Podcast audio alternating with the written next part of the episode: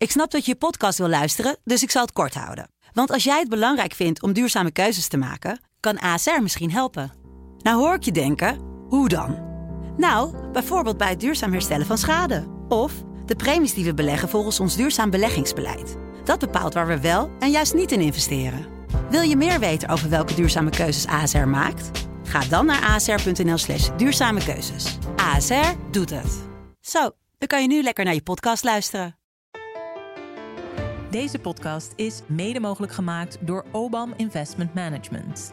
Al ruim 85 jaar Nederlandse beleggingshistorie met beleggen in aandelen wereldwijd.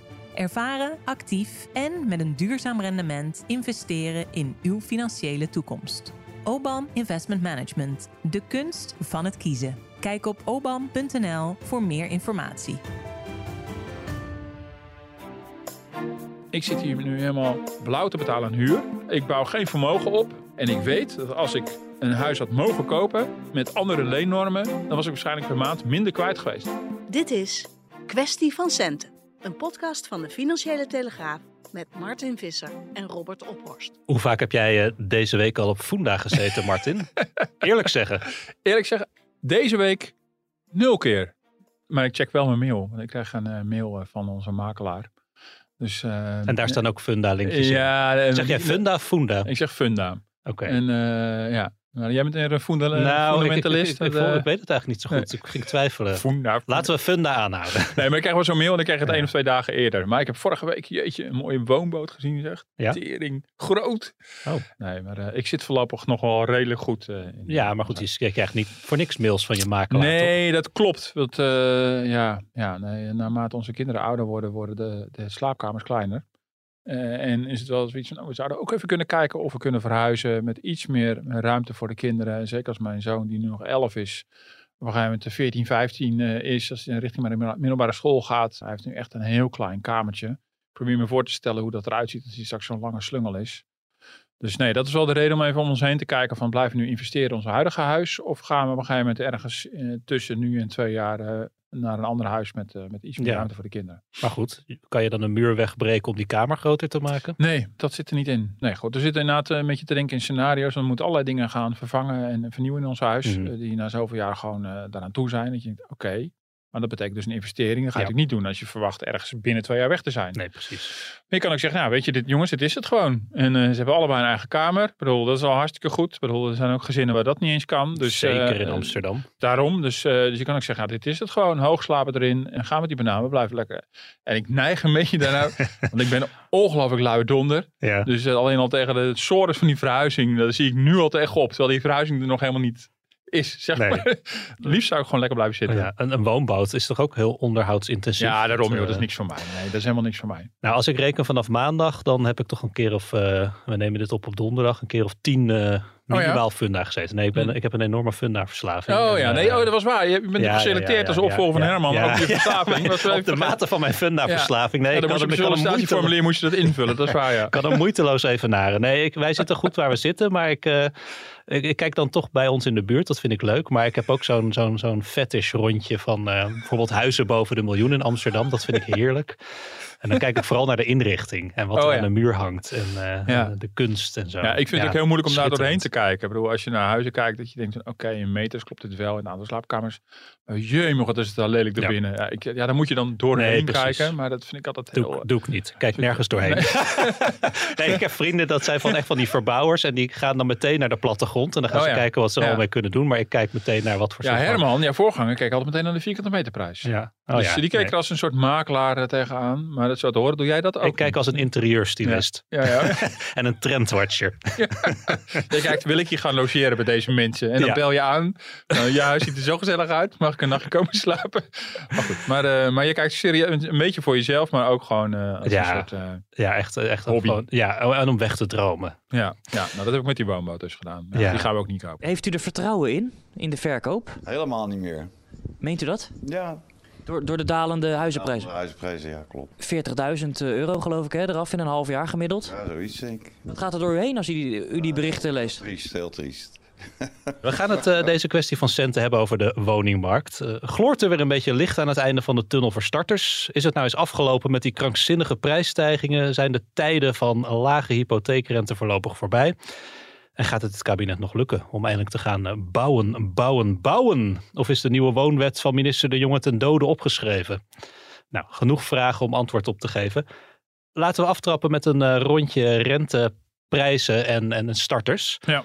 Hoe staan we ervoor? Nou, dan zeg het maar, Martin. Waar, Ja. waar wil je mee beginnen? Nou, ehm, ehm, de, de, de hypotheekrente gaat weer een beetje stijgen. Die hangt samen natuurlijk met wat eh, de Europese Centrale Bank doet. Hè. Eh, Niet meteen één op één, maar die reageert daar wel heel snel op.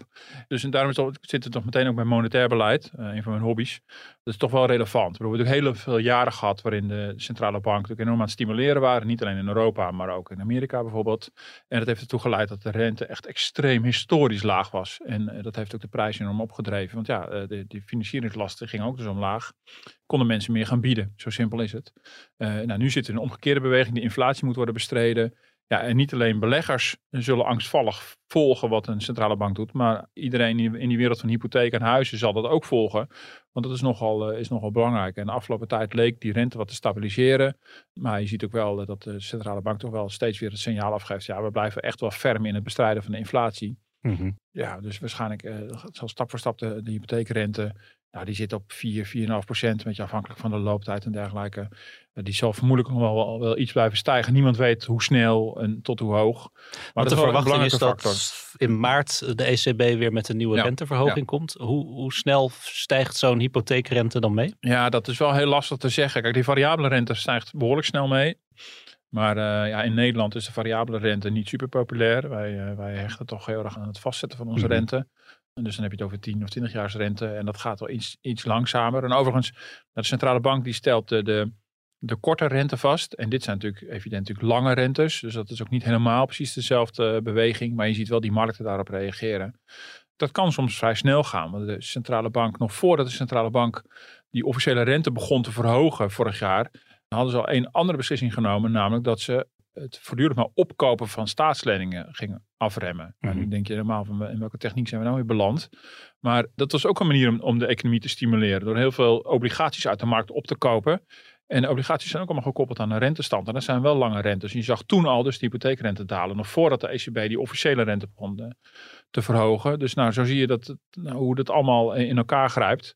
Maar de, de kans is best wel groot dat de hypotheekrente of er een beetje op vooruit loopt. Of er vrij snel achteraan sukkelt.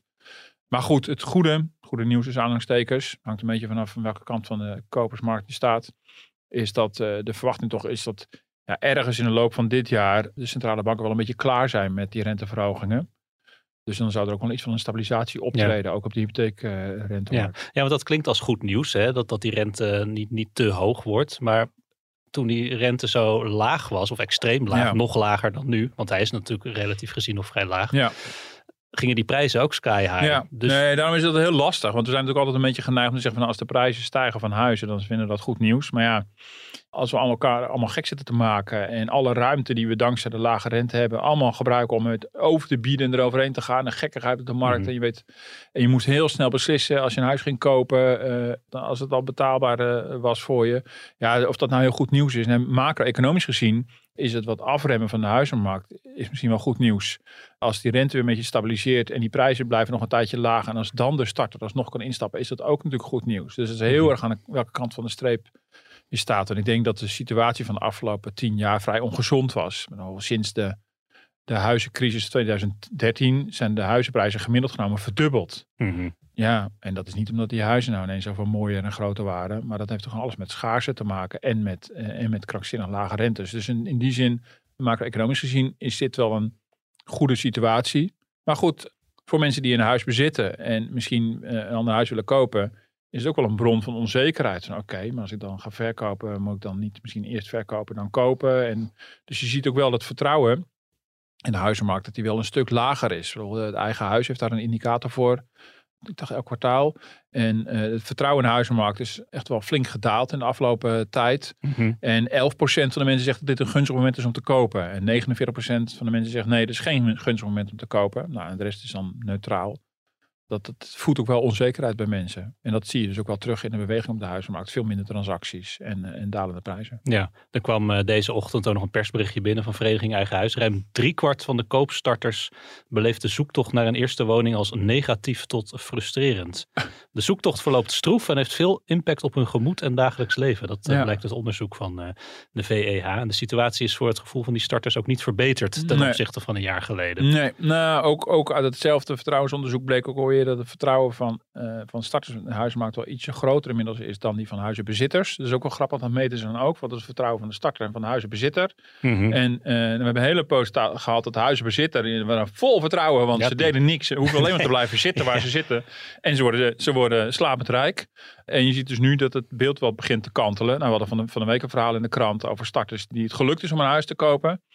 Maar ik, nou, van wat ik zie, zie ik nog niet, heel, niet echt heel overtuigende cijfers. Dat, dat je nu kunt zeggen dat voor alle starters het ineens beter bereikbaar en eh, beter Ja. is geworden. Dat nog niet. Maar Single starters, hè, daar hadden we ook dit, eh, deze week in de Ja. krant een verhaal over. Is het, is het vrijwel onmogelijk om een huis te vinden? Ja, zoek een partner. Ja, Ja. ja. Gewoon doe mee aan het Married at First Sight. En zorg dat het een succes wordt. En koop samen een huis. En dan maar hopen dat, dat het goed gaat. Maar goed, er zit altijd een gedragsbioloog op. Hè, die, eh, die in het programma kijkt er tegenwoordig ook. En die zorgt dat het helemaal goed gaat lopen. Ja, dat misschien wel. Is dat het recept voor het kopen van een huis? Maar ik kan me voorstellen dat het ook wel een frustrerende aangelegenheid. blijkt nu uit het onderzoek van eigen huis. Ja. Nee, maar dus voor de starters is het nog steeds heel lastig. En dat is dubbel frustrerend. Dat je denkt, nu, nu dalen eigenlijk die prijzen.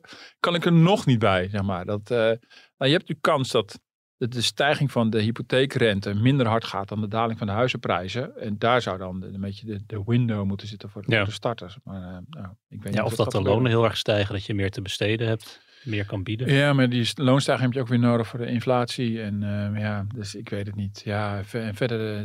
Is het ooit anders geweest voor starters? Jawel, dat is wel anders geweest, ja. Al kent Nederland wel echt wel van die periodes van extreme huisprijsstijging. Eh, maar het is wel zeker wel anders geweest. Het is anders geweest in de tijd dat onze hypotheeknormen veel losser waren. Dat iedereen zich gewoon eh, moeiteloos diep in de schulden kon steken met eh, aflossingsvrije Mhm. hypotheken. Dat is anders geweest. Ja, als je gewoon getalsmatig kijkt wat de tekorten zijn op de woningmarkt. Ik heb nu even de cijfers niet paraat, maar het neemt van mij aan dat de tekorten gewoon puur in het aantal woningen dat er tekort komen echt groter is dan ooit. Daar hebben we Mhm. langjarige grafieken van gezien. Dan zie je dat er nu echt meer huizen tekort komen dan in de jaren tachtig. En toen braken de krakersrellen uit en, en, en dat soort eh, gedoe. Geen woning, geen kroning, eh, dat, dat werk. Nou, we ondergaan het nu allemaal wat leidzamer. Maar eigenlijk is de crisis nu groter dan toen. Nou, als je gewoon puur cijfermatig Ja. kijkt. Dus er zijn wel in de loop van de tijd wel, wel verschillen. Maar dat we ja, de Nederlandse bevolking heel snel groeit. Dat het, het huishouden gemiddeld kleiner wordt. Waardoor we meer huizen nodig hebben op dezelfde hoeveelheid Nederlanders. Ja, dat is ook iets wat al heel lang speelt. Maar er zijn wel duidelijke golfbewegingen. We zitten, dus nu wel echt wel, we zitten nu echt wel een beetje knijp, zeg maar. Als sommige gemeenten zeggen, nou voor ons hoeft dat niet, eh, bouw ze maar bij de buren. Dan betekent dat dat we eigenlijk gewoon die oneerlijke situatie van nu in stand blijven houden. En ik denk dat dat gewoon niet eerlijk is naar de toekomst toe. Dat was eh, woonminister De Jonge bij Buitenhof. De terugkeer van eh, de minister van Volkshuisvesting. Ja. Dat, eh, dat moest natuurlijk, het, het Rijk eh, moest daar de regie weer mee terugkrijgen in een poging de problemen op de woningmarkt op te lossen. Nou, volgens mij hebben we een hele hoop plannen voorbij horen komen sinds Rutte 4 in het zadel zit. Ja. Maar ook een, een hele hoop kritiek en een hele hoop eh, weerstand. Ja, ik, ik ben eigenlijk zelf een beetje de, de draad kwijt. Waar Ja. staan we nu met die ambitie om tot en met 2030 eh, 900.000 nieuwe woningen erbij bouwen? Dat zijn dus 100.000 eh, huizen, nieuwe Ja. huizen per jaar. Ja. Nou, we zitten nog in de, in de plannensfeer, zeg maar. Ik bedoel, het is nog een papieren werkelijkheid. Het afgelopen jaar zijn er weer minder bouwvergunningen afgegeven. Dus de vooruitzicht dat we in de, in de komende tijd die 100.000 per jaar gaan halen, die, dat is er nog niet. Dat is het idee, hè, jaarlijks 100.000 erbij ongeveer. Dan, eh, dan moet je richting eh, die 900.000 gaan. En, en als ik het goed begrijp, minimaal 75.000 nieuwe woningen per jaar om überhaupt het woningtekort niet te laten oplopen. Ja, ja, dus je moet toch flink eh, bouwen. En dan moet er een groot aandeel betaalbare woningen. Ik vind het altijd een grappig begrip. Eh, er, eh, er moeten betaalbare woningen en de rest mag dan onbetaalbaar zijn. Ja. Maar goed, dat is, dat is in ieder geval dat is een soort statistisch begrip van wanneer iets betaalbaar is en wanneer niet. Nou, en ja, en, de- en er was natuurlijk een breed gevoelde wens dat er weer echt een woonminister zou komen. die ook ja, een soort doorzettingsmacht had. Ja. Nou had de vorige minister Olongren, die was niet officieel een woonminister, maar had het wel in haar portefeuille, had officieel ook die doorzettingsmacht. Maar die gebruikte die niet echt, want dat werd als een soort nucleaire optie gezien. Ja, nu moet eh, Hugo de Jonge eh, toch proberen die nucleaire optie te gaan omzetten in echt beleid zonder dat hij iedereen tegen zich in het harnas eh, jaagt. En vooralsnog jaagt hij iedereen tegen zich in het harnas. Want dat is natuurlijk ook wel heel begrijpelijk. eh, ondanks dat heel veel bezwaren, kunnen we het zo zien over hebben, op zichzelf wel begrijpelijk zijn, eh, die, die er zijn, is het ook wel logisch. Ja, als je iets van centrale regie wil, ja, dan zal je af en toe vanuit Den Haag roepen. Maar ja, jullie kunnen dit willen en dat willen, maar we gaan het gewoon zo doen. Ja. Ja, weet je, anders komt er geen fluit van terecht. En dat is het probleem wat ik de afgelopen jaren heeft gespeeld. Dat er te veel partijen zijn betrokken. Het Rijk, de provincies, de gemeenten, eh, woningcorporaties, eh, private investeerders. Ja, en die allemaal iets anders wilden. eh, en we verzanden oeverloos in procedures en regeltjes. En dan gebeurt er te weinig. Iemand moet zeggen van ja, Ja. eh, die slaat mensen met hun hoofden tegen elkaar bij wijze van spreken. En nu gaan we het gewoon zo doen. Dat betekent dus dat de minister gaat ingrijpen in de plannen van een gemeente of van een provincie. Ja. Ja, dat zullen sommige gemeentes niet blij mee zijn. En, en de investeerders. En nu heb ik ze allemaal, Ja. alle drie die partijen heb ik horen klagen afgelopen ja, week. inderdaad. Ja. Dus in die zin is het heel begrijpelijk dat, dat dit nu gebeurt. Ik neem aan dat eh, Hugo de Jonge en zijn ministerie hier ook op hadden gerekend. En nu is de vraag van hoe werk je dat uit?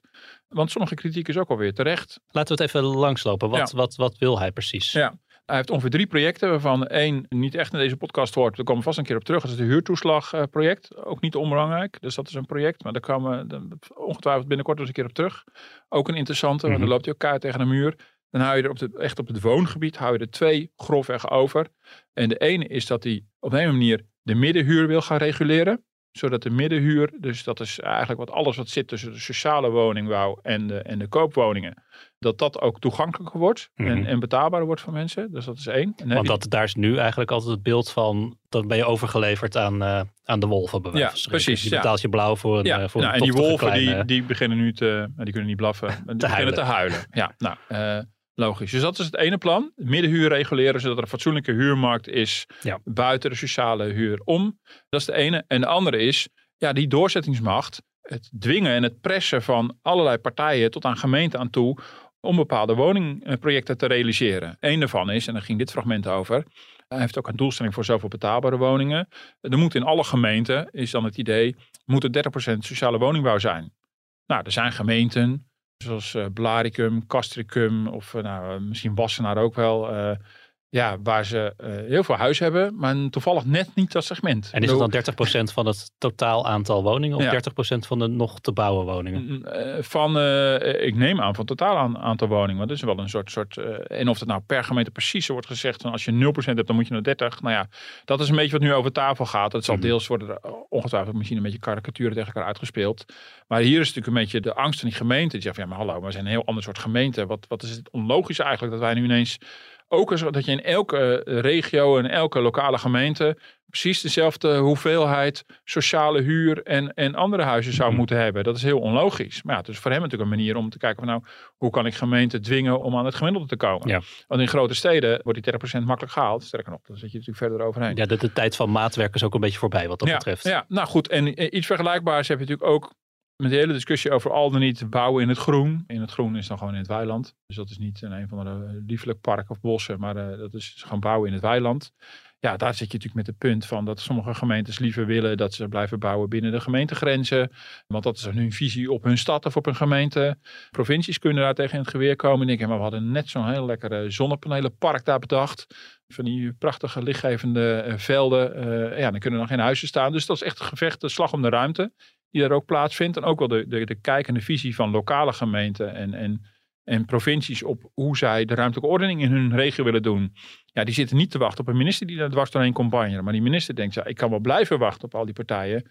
Maar er komt er weer geen fluit van terecht. Dus daar, die spanning zou je ongetwijfeld de komende tijd voortdurend blijven zien. Ja, en hoe zit het met de commerciële kant? Want er moeten ook bouwbedrijven bij betrokken zijn. eh, materialen, handjes. Ja, nou ja, dat heb je natuurlijk sowieso. De, de, de vraag of het überhaupt om eh, even. Dit is echt meer procedureel en politiek. Mhm. Maar er zijn ook grote twijfels of het überhaupt haalbaar is. Omdat de arbeidsmarkttekorten zijn. Omdat de, de, de, de prijzen van, eh, inderdaad, wat je zegt, van grondstoffen en materialen is enorm toegenomen.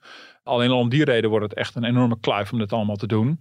Maar ja, dat ligt bijna helemaal buiten je macht. Als je de procedurele politiek al, al op de rit zou krijgen, dan geef je ook echt een nieuwe invulling aan die woonminister. Dat is echt nog het gevecht wat nu op dit moment eh, geleverd wordt. En ik vind wat er gebeurt, om weer terug te komen, dat eerste project, die middenhuur, ook wel heel interessant en ook wel echt wel heel relevant. Want, want en nu zit je dus wel net over de starter, nu kom je terug op die starter. Je zit als starter ook om die reden helemaal klem. Ja. Want er zijn natuurlijk bepaalde inkomenseisen voor de sociale huur. En de sociale huur in Nederland gemiddeld is al zo'n 30, 32 procent. Dus dat is internationaal gezien ook echt heel groot. Ja, Dus we hebben heel veel sociale we huurwoningen. hebben van, eh, van ouds heel veel sociale huurwoningen. Dat is, ik vermoed dat het te maken heeft met, eh, met wat in Nederland populair is, eh, het maatschappelijk middenveld. Dat is natuurlijk echt ontstaan als privaat initiatief heel vroeger. eh van mij eind 19e eeuw. Woningcorporaties, waarbij, nou, dat is een beetje tussen de markt en de overheid in, in privaat initiatief. Dat is gaandeweg is ontstaan. En het is ook nu, zit het ook nog steeds tussen de markt en overheid in. Is wel st- strikt gereguleerd, maar het is, het is niet van de overheid. Een woningcorporatie is geen eigendom van Hugo de Jonge of iets dergelijks. Dus we hebben van ouds hebben hele grote sociale huur. En we hebben ehm, in de loop van de jaren hebben de koop enorm gestimuleerd. Al was het alleen maar fiscaal. Dus we in Nederland hebben, hebben zeker 60% koophuizen. En sommige eh, overzichten zag ik wel nog meer. En dan hou je aan vrije huur hou je ongeveer een procent of acht over. Dat was een aantal jaar geleden eh, nog minder. Was het een procent of vier. Ik zag hier een, staatje in 2019 hadden we maar 4% vrije huur. En dat zou inmiddels een procent of 8 zijn. Dus dat is verhoudingsgewijs enorm toegenomen. Maar het is absoluut gezien heel klein. En dat is precies dat kleine deel waar die private investeerders actief zijn. Die daar forse huren kunnen vragen voor heel schaarse huurwoningen. Waardoor de starter denkt, ja maar ik zit hier nu helemaal blauw te betalen aan huur. Ik bouw geen vermogen op. Ik zie al die, al die eh, binnengelopen boomers die eh, enorme vermogens hebben opgebouwd via die huizen. Ik betaal me helemaal de pestpokkenpleuris aan die huur. Dat geld is echt gewoon weg. Ja. En ik weet dat als ik een huis had mogen kopen met andere leennormen, dan was ik waarschijnlijk per maand minder kwijt geweest. Maar Ja. ik kan daar niet komen. Dus je kan niet van A naar B. En zo zitten dus heel veel mensen vast. Ja, en dat je dus iets wil doen in die huursector, is in zichzelf dus heel logisch. Alleen met die, huur, eh, die, die private partijen zeggen, nou dat zijn van de week bijvoorbeeld de baas van ASR, een verzekeraar, die ook investeert in, in, eh, in de woningmarkt. Die zegt dat ook van ja, maar als je dat gaat reguleren, als Hugo de Jonge gaat bepalen, beste particuliere verhuurder, beste Prins Bernhard, je mag nog maar max zoveel vragen voor je huis. Dan zeggen ze nou, dan doen we het toch niet. Dan wordt het niet meer interessant voor ons. Zelfs de Nederlandse bank heeft ervoor gewaarschuwd bij een eh, regulering van de middenhuur, Mhm. wat er zelf misschien wel nodig is, gaan de gemiddelde rendementen voor die investeerders gaan fors omlaag. De Nederlandse bank kwam op een daling van het rendement met 12,5 procent. In Amsterdam eh, hadden ze het over een daling van het rendement met 30 procent. Dus dat is substantieel. Dus de hele business case voor die particuliere investeerder, die, die wijzigt totaal. Dus dat is, dat is wel echt een ingewikkelde puzzel voor Hugo de Jonge. Dus zijn wens is logisch. Ja. Betaalbare huurhuizen. Ja, en de kritiek is ook heel logisch. Ja, als je eenmaal gaat zitten zooien daarin, ja, dan heb je best kans dat, dat heel veel particuliere partijen helemaal niet meer willen Nee. investeren in de bouw van nieuwe huurwoningen. Het beeld is wel heel herkenbaar. Wij hebben zelf ook heel lang gehuurd. eh, pas drie jaar geleden ons eerste koophuis. Maar ja, je betaalt dan echt heel veel relatief. Je ziet er bijna niks voor terug. En je, om, om je heen zie je allemaal mensen met een koophuis die Ja. op papier, eh, Ja, la, la, la. papier- ja, Ja. echt, echt enorm vermogend worden. Ja. En nee, ik, ik zag inderdaad bij een woningtelling van 1947 huurde nog de helft van de huishoudens bij particuliere verhuurders. Oh. Dus dat, dat leek me dan een veel normalere huurdersmarkt. Maar Ja. Nou, ik, ik zat ook te kijken bijvoorbeeld naar Duitsland, waar het dus Mhm. heel gebruikelijk is om veel meer eigen geld mee te nemen. Dat is eh, al heel lang als je helemaal gaat kopen. Als je gaat kopen, je kan 80% van je huis eh, financieren. Dat betekent dus Mhm. dat je eerst flink moet sparen, bouwsparen. Zijn we maar- volgens mij zijn er ook hele bankprogramma's op Dus je moet opgericht. 20% van de aankoopprijs zelf... Dat is eh, niet, dat is niet geri- gering. Nee, want de de- gemiddelde aankoopprijs is iets van 4, 4,5 ton. Ja, zeker. Dus dat is, eh, dat In is, Nederland dan. dat is for- fors. Dat zal daar dus ietsje minder zijn, omdat we iets min- minder gekkigheid Mhm. op die markt hebben. Maar dat betekent dus ook dat veel meer mensen langdurig moeten huren. Dus de huurmarkt, de private huurmarkt, is in Duitsland ook veel groter. Is ongeveer de helft. Ja. Maar daar hebben ze ook een veel kleiner sociale. Ik bedoel, dus die private markt, die wordt aan twee kanten afgeknepen. Aan die Ja. koopkant die we stimuleren en aan de sociale huurkant. En misschien moet je wel die verhouding tussen die drie heel erg gaan wijzigen. Maar dat ligt natuurlijk politiek gevoelig. Want dan zou je de sociale huur natuurlijk veel kleiner maken. Ik bedoel, want waarom is het logisch dat we 30% of meer van de woningen onder sociale huur laten vallen? Dat er zoveel mensen helpen met sociale huur. Want we helpen ze ook al via een huurtoeslag. Bedoel, ze worden financieel al geholpen. Dus Dan haal je natuurlijk nog meer overhoop als Hugo de Jonge zijnde. En, ehm, eh, maar als je een hele kleine markt hebt die vervolgens ook nog wil gaan zitten reguleren.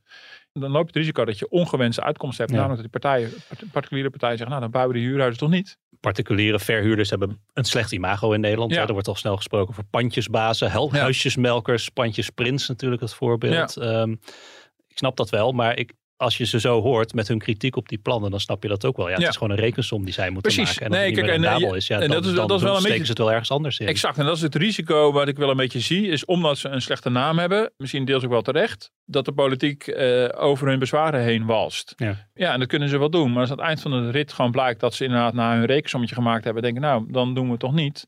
Ja, dan, dan ben je nog verder van huis. Dan gaat het aanbod verdwijnen op die particuliere huurmarkt. Dan bereik je precies het tegenovergestelde van wat je wil. En wat zou dan een oplossing zijn voor deze catch-22 situatie? Ja, ja, nou ja, ik vind op zichzelf niet heel onlogisch dat je iets aan die middenhuur doet.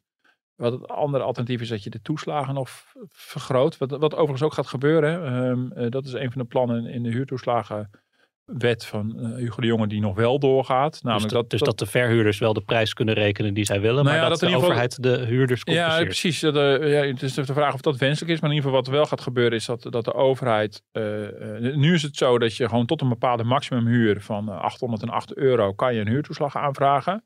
En die grens wordt verhoogd of misschien helemaal losgelaten. Dat moet ik inderdaad even in het midden. Maar in ieder geval waardoor ook mensen die boven dat bedrag huren... kunnen ook, eh, ook hebben ook toegang tot een huurtoeslag.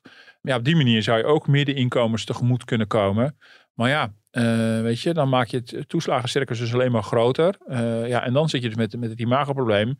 Ja, dan gaan de, de, de huurtoeslag, gaat die dan de kassen van Prins Bernhard spekken? Ik bedoel, dan krijg je dat soort beelden. Het is een beetje eh, populistisch gesteld natuurlijk. Maar is dat dan de oplossing? Maar totaal gaan reguleren, de middenhuur. Ja, het idee van sociale huur is dat is gereguleerd. En het andere laat je min of meer vrij. En misschien moet je iets doen aan die schaarste. Is gewoon die middenhuursegment gewoon te klein, waardoor daar schaarste kan ontstaan. Maar dan moet je denk ik fundamenteel kijken naar de omvang van sociale huur. Nou, zie dan nog maar eens de linkse oppositie mee te krijgen die we nodig hebben voor middenreden. Ja, want ook daar zijn natuurlijk altijd wachtlijsten. Daar, daar hoor je toch ook van mensen die al tien jaar wachten op een sociale huurwoning. Zeker, ja. Maar ja, dat zijn natuurlijk mensen die ook geen andere keuze hebben dan dat. Waarom zijn die wachtlijsten? Omdat ze geen alternatief hebben. Omdat ze zoiets van, ja, maar die, die andere, die vrije huur is zo afgrijzelijk duur. En zo beperkt in aanbod, daar kunnen we überhaupt niet bij. Dus, dus ja, weet je, het is ook een beetje kip en ei. Maar dit is wel fundamenteel. Dat is iets wat bijvoorbeeld de Nederlandse Bank ook voortdurend heeft gezegd.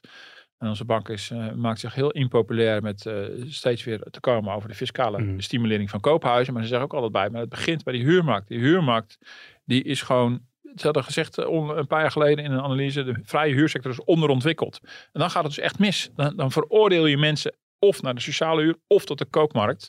Dus je moet iets aan het middensegment doen. En misschien moet het wel groter worden. Mijn eerste tip is altijd dat als iemand je met stelligheid gaat vertellen wat de woningprijzen gaan doen, dan moet je altijd heel erg achterdochtig worden. Maar ik denk dat het nog wel even doorgaat. Zeg ik dus met, met de nodige Ja. voorzichtigheid. Als er 10% van af zou gaan, dan zou, ben ik in ieder geval niet verbaasd ten opzichte van de top. En zelfs ook niet als het nog meer wordt. Dat was Marieke Blom, eh, hoofdeconoom van ING. Ja, Ja. 10% van de huidige huizenprijzen af. Een daling van 10% of meer. Zij is een beetje vo- voorzichtig met voorspellingen, maar gooit, gooit er dan toch deze tegenaan. Ja, en misschien wel meer. Ja, nou laten wij ook eens even die, die glazen bol afstoffen. Wat, wat, wat kunnen wij verwachten de komende tijd? Nou ja, als, als de banken zeggen 10%, dan zal het vermo- vermoedelijk wel meer zijn. De ABN AMRO zegt ook 10%, Rabo is iets voorzichtiger. Ja, wie ben ik om dat tegen te spreken? Eh, ik, ik, ik denk eerder dat ze natuurlijk eerder neiging zullen hebben om dat wat onder, te onderschatten dan te overschatten. Het hangt alles weer samen. We hebben begonnen met de stijging van de rente, hoe hard dat nog gaat. Maar deze correctie is niet, is niet onlogisch. En we zijn natuurlijk hard op weg. Toevallig in de maand januari zijn de prijzen weer ietsje gestegen vergeleken met december. Maar goed, dat is natuurlijk één maand. Dat zegt op zichzelf nog niet zoveel. Je hebt natuurlijk twee factoren die tegen elkaar inwerken. Je hebt natuurlijk die, die stijgende rente, waardoor, eh, waardoor de, de, de hypotheeklasten natuurlijk toenemen. Dat geeft men- mensen minder ruimte om, om fors te gaan bieden. Gecombineerd met de economische onzekerheid die er is. En de andere kant, eh, nou, waar we het in het tweede blok over hadden gehad, het tekort aan huizen. Ja. Er is natuurlijk een schaarste. Dus Zolang, zolang die schaarste blijft, ja, zullen de prijzen ook. Ja, zullen die prijzen, eh, ik- kun je je bijna niet voorstellen dat die totaal onderuit gaan met een procent of 25, zoals eh, in, in 2012, 2013 gebeurde. Nou, ik ben nog even aan het bijkomen, want ik kreeg net eh, ons aanslagbiljet voor de gemeentelijke belastingen met de WOZ-beschikking. En de WOZ-waarde van ons huis was afgelopen jaar bijna 13,5% gestegen. Oh ja, ja, en nu voel je je hartstikke rijk. Behalve dan dat je belasting ook heel hoog is. Ja, dus eerst schrok ik van, oh, dan gaan we veel meer betalen. Toen Ja. dacht ik, aha, maar dan ga ik de, de, de, de, schuld-marktwaardeverhouding eh, is gedaald. Dus Ja. kan, ik, de- kan ik de risicoopslag van onze eh, hypotheekrente ook weer verlagen. Oh ja. Dus dan betaal je per maand weer wat minder eh, aan hypotheekrente. Maar kan je ook weer minder. Heeft ook weer gevolg voor je hypotheekrenteaftrek. Dus eh, nou, voor je het weet ben je een half uur verder aan het rekenen. ja, wat een kopzorg heb je toch eigenlijk als, als huizen. Jongen, jongen. Ja. En die huurders maar klagen. Ja, Nee, precies. eh, die komen er weer mooi mee weg. dus, nee. nee, en overigens is het niet in alle gemeenten zo dat je, dat je belasting omhoog gaat als de huisprijzen stijgen. Maar dat hangt een beetje vanaf Hier wel. Gemeente in mijn gemeente wel. Dus sommigen die eh passen het tarief aan al naar gelang de huizenprijzen. Maar goed. eh, Nee, maar we zijn ook wel een beetje gewend geraakt, toch, aan, aan, aan die stijgende huizenprijzen. Dus Ja.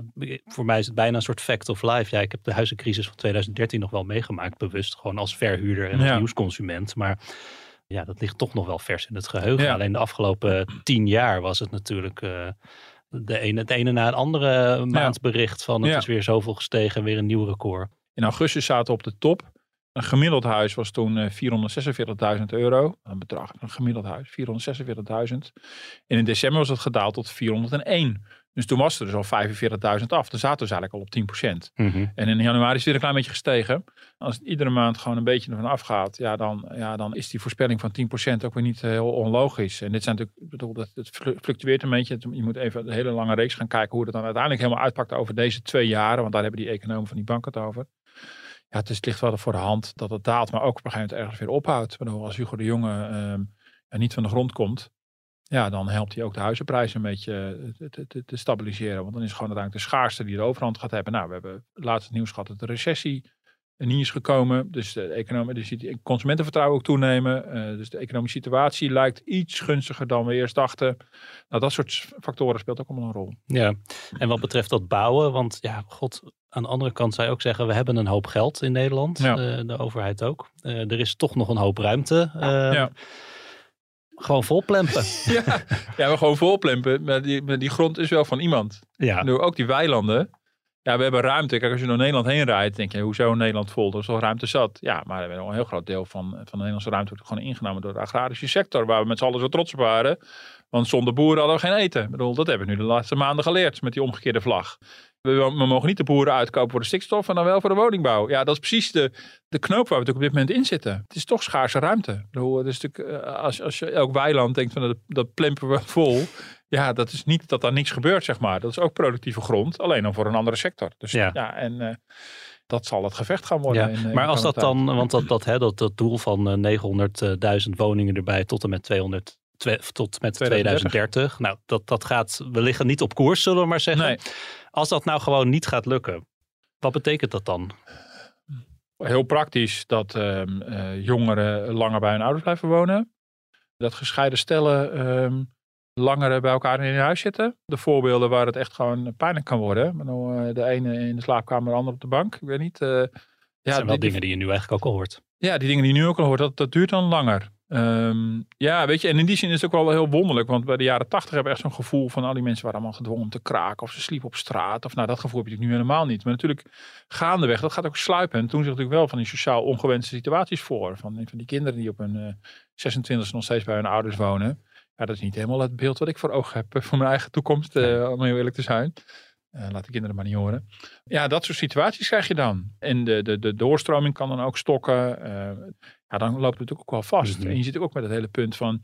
hoe zorg je dat iedereen daar woont waar, waar we het ook een beetje bedacht hadden. Hè? Maar dan hoe zorg je dat ouderen ook op een gegeven moment in de voorzieningen gaan wonen... Waar, we van, waar wij al van hadden bedacht met z'n allen...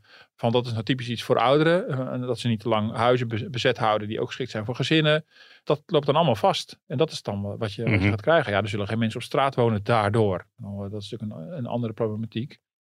Maar dat is wel een situatie die dan Ja. krijgt. Maar goed, als jij in jouw glazen bol kijkt, wat, eh, wat, wat denk jij dan als je eh, even de komende, komende Nou ja, dus jaren dat- voorspelt? Nou, dat gaat dus wel, dat, dat gaat wel steeds meer knellen. En dat zie je natuurlijk al lang gebeuren. En dat, wordt ook wel, eh, dat gaat alleen maar langer duren. En misschien dat het ernstiger wordt. Wat ik nog niet eens genoemd heb, is, is de, de huisvesting van asielzoekers en vluchtelingen. Waar ook dat het politieke debat onder hoogspanning staat. Onder andere om deze redenen. Nagenoeg iedereen is het over eens dat, dat mensen die moeten vluchten voor hun leven, dat, je die, dat je die wil onderbrengen in, in, in je land. Maar ja, dan op een wordt het echt wel zoeken. Dan wordt het ook maatschappelijk steeds moeilijker te verkopen. Als je of die mensen geen huisvesting kan bieden, of ze huisvestingen aanbiedt die je dus niet aan de mensen kan bieden die hier al woonden. Ja, ja dat soort spanningen gaan dan natuurlijk eh, gaan enorm toenemen. En in die zin is wonen natuurlijk echt een heel concreet een concreet ding. eh, waar mensen echt een, een emotie en een gevoel bij hebben. En iedereen in zijn eigen omgeving ook wel ziet hoe dat tot ongewenste Ja. uitkomsten kan leiden. Nou, heeft het kabinet ook niet echt grip op de migratieaantallen. Dus wat dat betreft. Nee, nee, maar goed, nee. En, en een coalitie die heel erg verdeeld is Ja. op dit onderwerp. Ook nog eens een keer. En, eh, ja, en die wooncrisis staat natuurlijk niet op zich. Ik bedoel, je hebt ook de stikstofcrisis. eh je hebt natuurlijk het hele eh, landbouwdossier. Dus het is allemaal met elkaar verknoopt. Het is allemaal politiek heel ingewikkeld. En die spanningen nemen dan alleen maar toe. Als Hugo de Jonge de boel niet vlot trekt. Maar goed, we hebben goede hoop. We hebben heel lang op hem gevoeten tijdens de coronacrisis. En uiteindelijk heeft iedereen een prik in zijn arm gekregen. en, eh, en een stok in zijn neus. Dus misschien dat deze diesel die zich voordoet als een, als een sneltrein, misschien toch op een gegeven moment gewoon op gang komt. En eh, ja, weet je, eh, laat het maar hopen. De energie heeft hij er in ieder geval voor. Dus dat is wel, dat is in ieder geval al positief. Ja, daar is hier weer de rondvraag. Ik wil toch nog heel even bij de huizen blijven. Want we, hadden een, eh, we hebben een geweldig verhaal online. eh, eh, over een, een huis wat nu op Funda staat. In het Friese Noordwolde. Nou, je moet echt even kijken als je nu luistert. En straks achter je, achter je telefoon of je laptop zit. Wacht, ik pak even de advertentie erbij. Het is, het is een soort vrijstaande plaggenhut op een mooi stukje grond. De tuingrot. De tuingrot. De Jokweg nummer drie, eh, Oh ja. Noordwolde. Kijk even op Funda als je tijd hebt, maar je weet echt niet wat je ziet. Eh, het is een, eh, een opknapper, eufemistisch eh, omschreven, met een eh, semi-ondergronds tuinhuisje en een op hout gestookte cv-ketel. Nou, het is, een, het is een soort bouwval, maar wel op een, eh, ja, op een plek, eh, een mooie plek. Maar ja, je, je krijgt er gelijk allemaal fantasieën bij. Van Maar dit wie- had jij gevonden toen je met je Nee, ik had dat helaas niet. eh, nee, ah. hier riep ook al meteen iemand. Heb jij, dat, eh, had jij dat huis gevonden waar nu iedereen het over heeft? Maar nee, helaas niet. Oh, ja, dit is wel, ik zit nu live te kijken, maar dit is wel inderdaad een heel mooi Ja, huis. dit- dit- maar er moet wel iets aan gebeuren. ik, kan hier, ik kan hier heel slecht doorheen kijken. Normaal kan ik dat heel goed. Ik denk, nou, mijn klushandjes jeuken. Maar eh, nee, niet dus. Ja, nee, het is een wonderlijk wonderlijk. bouwval. eh, Ja. dit zie je niet vaak in Nederland volgens mij. De vraagprijs is eh 3,5 ton. Kost de 3,5 koper. ton. Ah, koop. 70 Ja. vierkante Ja. meter. Een uniek object. Ja. Nou, Nee, ik die nog- makelaarsteksten zijn ook altijd smullen. Ja, precies. Ja, authentiek. Nou, ik heb ook nog iets voor de rondvraag eh, van een heel andere orde. Ik eh, ga mijn eh guilty pleasure onthullen. Eh, mijn guilty pleasure is dat ik eh, bijna iedere dag wel heel even op de, op de site van Mediacourant eh kijk. Dan kijk ik onze concurrent, eh, maar goed. Ik, ik, ik, ik, En- ik voel jou. en daar kan ik alles volgen over eh, de familie Hazes. Maar daar, daar had ik overigens nu, eh, nu niet per se die site voor nodig, maar ook gewoon onze eigen website. Hoe wij bovenop die hele testamentkwestie zitten. Ja, het is... Aan de ene kant denk ik, waarom wil ik dit weten? En toch lees ik het ook allemaal. In dit geval gewoon op onze eigen website. Eh even stand goed dat de uitslag, of de uitslag. De uitspraak De van de uit- rechter. ja, het is een soort uitslag van wat is de uitslag van de... Nou ja, zo beleef je het natuurlijk wel als, als shownieuwsconsument. Ja, dus eh, ja goed. En dus eh, Rachel is dus geen erfgenaam, maar het wordt na een kort geding wordt het een bodemprocedure. Dus je leert juridisch ook er heel veel bij. Dus daarom doe ik het eigenlijk. Om, de- ik denk van dat is gewoon voor je juridisch voor onderbouwing. voor het zit jij dan nog voor iemand te duimen? Of, of ben je neutraal in deze? Ik ben zeker niet neutraal. Nee, ik ben natuurlijk helemaal op de hand van uh, Roxanne. Ja? Ja, tuurlijk. Ja, nee, in, al- in alle opzichten. Ja, dit vind ik op een heel sympathiek mens. En ze maakt ook nog mooie muziek. Nou goed, dat is toch, wel- Nou, dat is toch wel heel wat. Er is één, eh, één troost dan voor jou als volger van deze soap. Het gaat nog een tijdje duren, begreep ik van onze eh, verslaggever Ja. Saskia Belleman. Ja, daarom. Omdat ze natuurlijk nu... eh ik bedoel, dus wel gezegd dat Rachel officieel geen erfgenaam is. Maar dat een kort geding niet de juiste route is om dit, eh, om dit te regelen. Ze moet een bodemprocedure. En dat duurt meestal jaren. Dus ik denk dat Saskia heel blij is dat ze hier jarenlang mee aan de, aan de slag mag. Ja, aan de ene kant denk je, waarom willen we dit allemaal weten? Maar ja, het is toch... Ik lach er nu om, maar het is ook verder natuurlijk diep treurig eigenlijk wat daar gebeurt. Nou ja, dat. Mijn guilty Ja. pleasure. Dank allemaal weer voor het luisteren. Martin ook bedankt en eh, tot de volgende. Tot de volgende week.